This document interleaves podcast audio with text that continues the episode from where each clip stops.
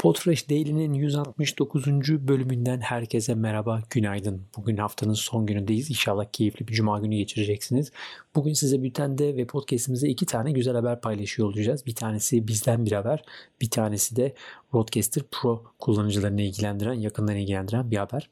Öncelikle kendi tarafımızdaki habere geçelim. Aslında sosyal medya kanallarımızı takip edenler muhtemelen iki gün önce bunu görmüşlerdir ama podcast içeriklerinin keşfini kolaylaştırmak için biliyorsunuz birçok aslında anlaşma gerçekleştiriyoruz ve ortaklık gerçekleştiriyoruz. Gerek e-bültenlerle olsun, gerek içerik kanallarıyla olsun. Yakın zamanda görmüşsünüzdür Power FM ile Power App üzerinde çok keyifli bir ortaklığımız var. Power App uygulamasının içerisindeki podcastlerin kürasyonu konusunda ortak çalışıyoruz. Gibi gibi aslında podcast dinleyicilerine farklı kanallardan ulaşabilmek ve Podfresh'in ağ içerisinde bulunan 180'in üzerinde bugün itibariyle 185 yayın var. Bu 185 yayının çok daha yeni, çok daha farklı dinleyicilere ulaşabilmesi için e, heyecan veren projelere imza atıyoruz aslında farklı içerik kanallarıyla birlikte. Bugün duyuracağımız ortaklık da aslında tam da bununla alakalı. Muhtemelen duymuşsunuzdur yerli girişim makro müziği makro müzik uygulamasını Spotify ile entegre olan uygulama geçtiğimiz dönemde 2 milyonluk bir değerleme aldı. Müthiş bir e, heyecan yarattı Türkiye'de. Spotify ile entegre olarak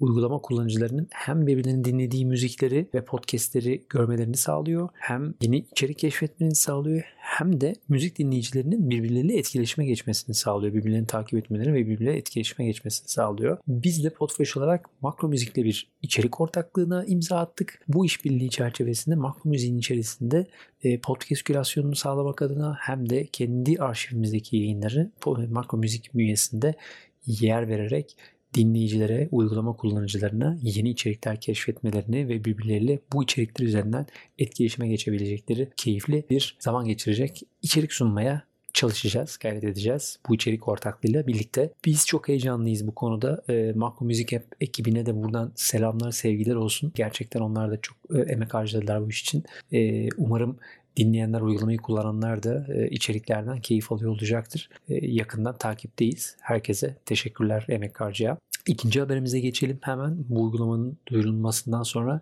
Roadcaster Pro'yu duymayan kalmamıştır büyük ihtimalle. Podcast yayıncılar arasında gerçekten fenomen cihazlardan biri. Türkiye'de bulunmasının zor olduğunu biliyorum. Türkiye'ye gelen her cihazı neredeyse sevgili Uras bir bir takip eder. Buradan da ona selam olsun. E, Roadcaster uzun zamandan sonra yeni beta sürümünü, e, yazılımın yeni beta sürümünü yayınladı ve müthiş yenilikler getirmiş.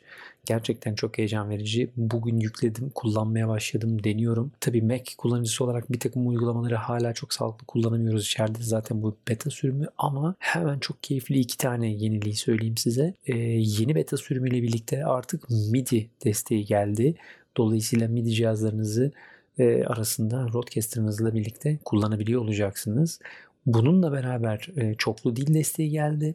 İçerisinde Türkçe yok ama İngilizce dışarısında Almanca, Fransızca gibi işte e, Çince gibi bir takım farklı diller var. Ama beni en çok heyecanlandıran kısmı artık MIDI ile beraber Rodecaster Pro'nun üzerinde yalan 8 tane pad'i kameralarınızı kontrol etmek için kullanabileceksiniz. Evet yanlış duymadınız. Canlı yayın yapan, canlı yayın için Rodecaster Pro'sunu kullanan ya da e, vlog yapan ya da işte pod, podcast yayınını aynı zamanda canlı olarak yayınlayan yayıncılar artık padlerin üzerine sadece ses e, klipleri içerisinde değil birden fazla kamerasının görüntü değişimi için de canlı yayınlarında kullanabiliyor olacak. Muazzam değişim. Tabi MIDI desteğiyle birlikte de Digital Audio Workstation'larınıza da e, Rodecaster Pro'nuzu tanımlayabiliyorsunuz. Dolayısıyla Rodecaster'ın üzerindeki Ses ayar butonları ile birlikte DAW'un üzerindeki ayarları da birebir değiştirebiliyorsunuz manuel olarak.